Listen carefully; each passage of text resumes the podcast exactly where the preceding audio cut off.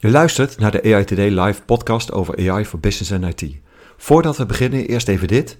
We zijn genomineerd voor de Prijs van Oranje van de Belgian Podcast Awards. We zijn super trots op deze nominatie en jij kan ons helpen om deze prijs te winnen. Luister je graag naar onze podcast? Stem dan via belgianpodcastawards.be. Alvast bedankt.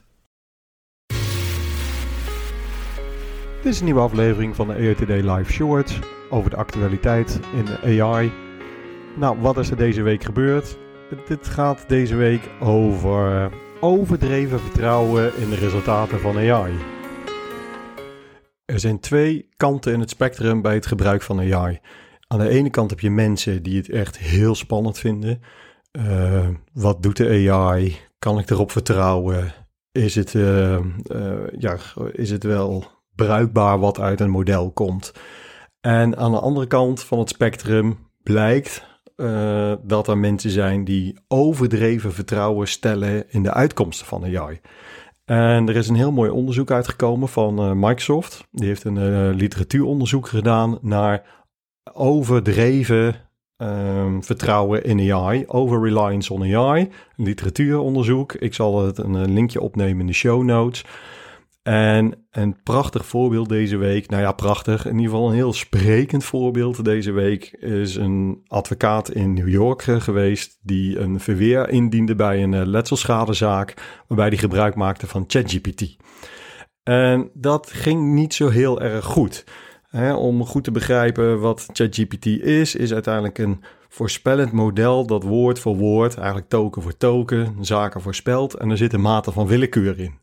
Um, als je een verweer schrijft met ChatGPT en je laat hem ook um, uh, zoeken of tenminste schrijven naar jurisprudentie, ja, dan is de jurisprudentie die die geeft uh, hoeft natuurlijk niet correct te zijn. Sterker nog, de kans dat het niet correct is, is vele malen groter dan wel correct.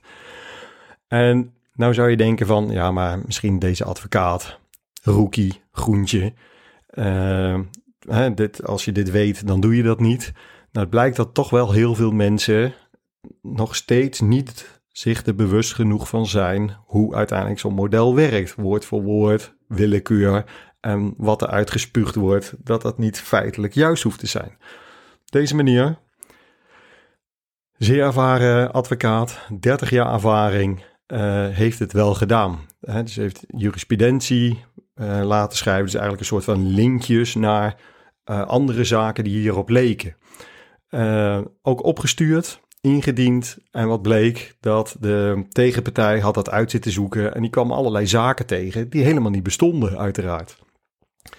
Uh, nou, de advocaat werd op zijn vingers uh, getikt en gaf ook nog ter verweer aan, uh, daar, daar, zijn schermafbeeldingen van, dat hij namelijk ook, blijkbaar had hij toch wel iets van een vermoeden van, ja, ik moet dit wel even navragen. Hè? Maar hij vroeg het dus ook aan ChatGPT. Dus hij heeft aan ChatGPT gevraagd, zijn dit echte cases? Bestaan deze? Waarbij de keurig werd geantwoord, ja hoor, dit zijn bestaande cases. En vervolgens heeft hij die ingediend. Het is natuurlijk uh, bijzonder treurig als dit je advocaat uh, zou moeten zijn. Maar denk eens even zelf na van waar je teksten laat schrijven. En dat je echt heel goed controleert of het juist is wat er geschreven wordt. Dus in dit geval, ja, stevige tik op de vingers ehm, van, voor de advocaat. Ehm, maar het blijkt dus echt dat het een probleem is dat mensen overdreven vertrouwen kunnen stellen aan de uitkomsten van AI. Nou, hoe kan dat nou gebeuren dat je zoveel overdreven vertrouwen erin hebt? Is als je voorzichtig aan de slag gaat met uh, deze technologie en je komt erachter dat de technologie best wel steeds goede antwoorden geeft. En dus je maakt het steeds complexer, je schuift misschien steeds meer op op gebieden waar je zelf minder vanaf weet.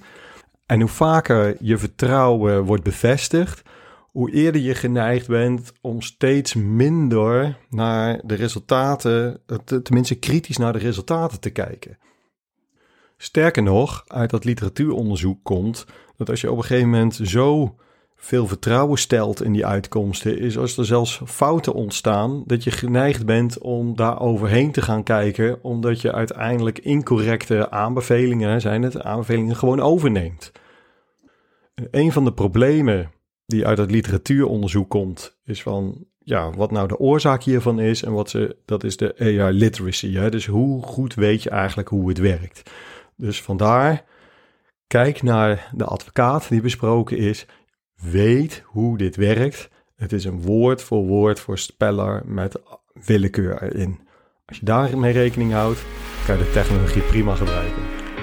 Dankjewel voor het luisteren. Maandag weer een nieuwe lange aflevering. Dank voor het luisteren.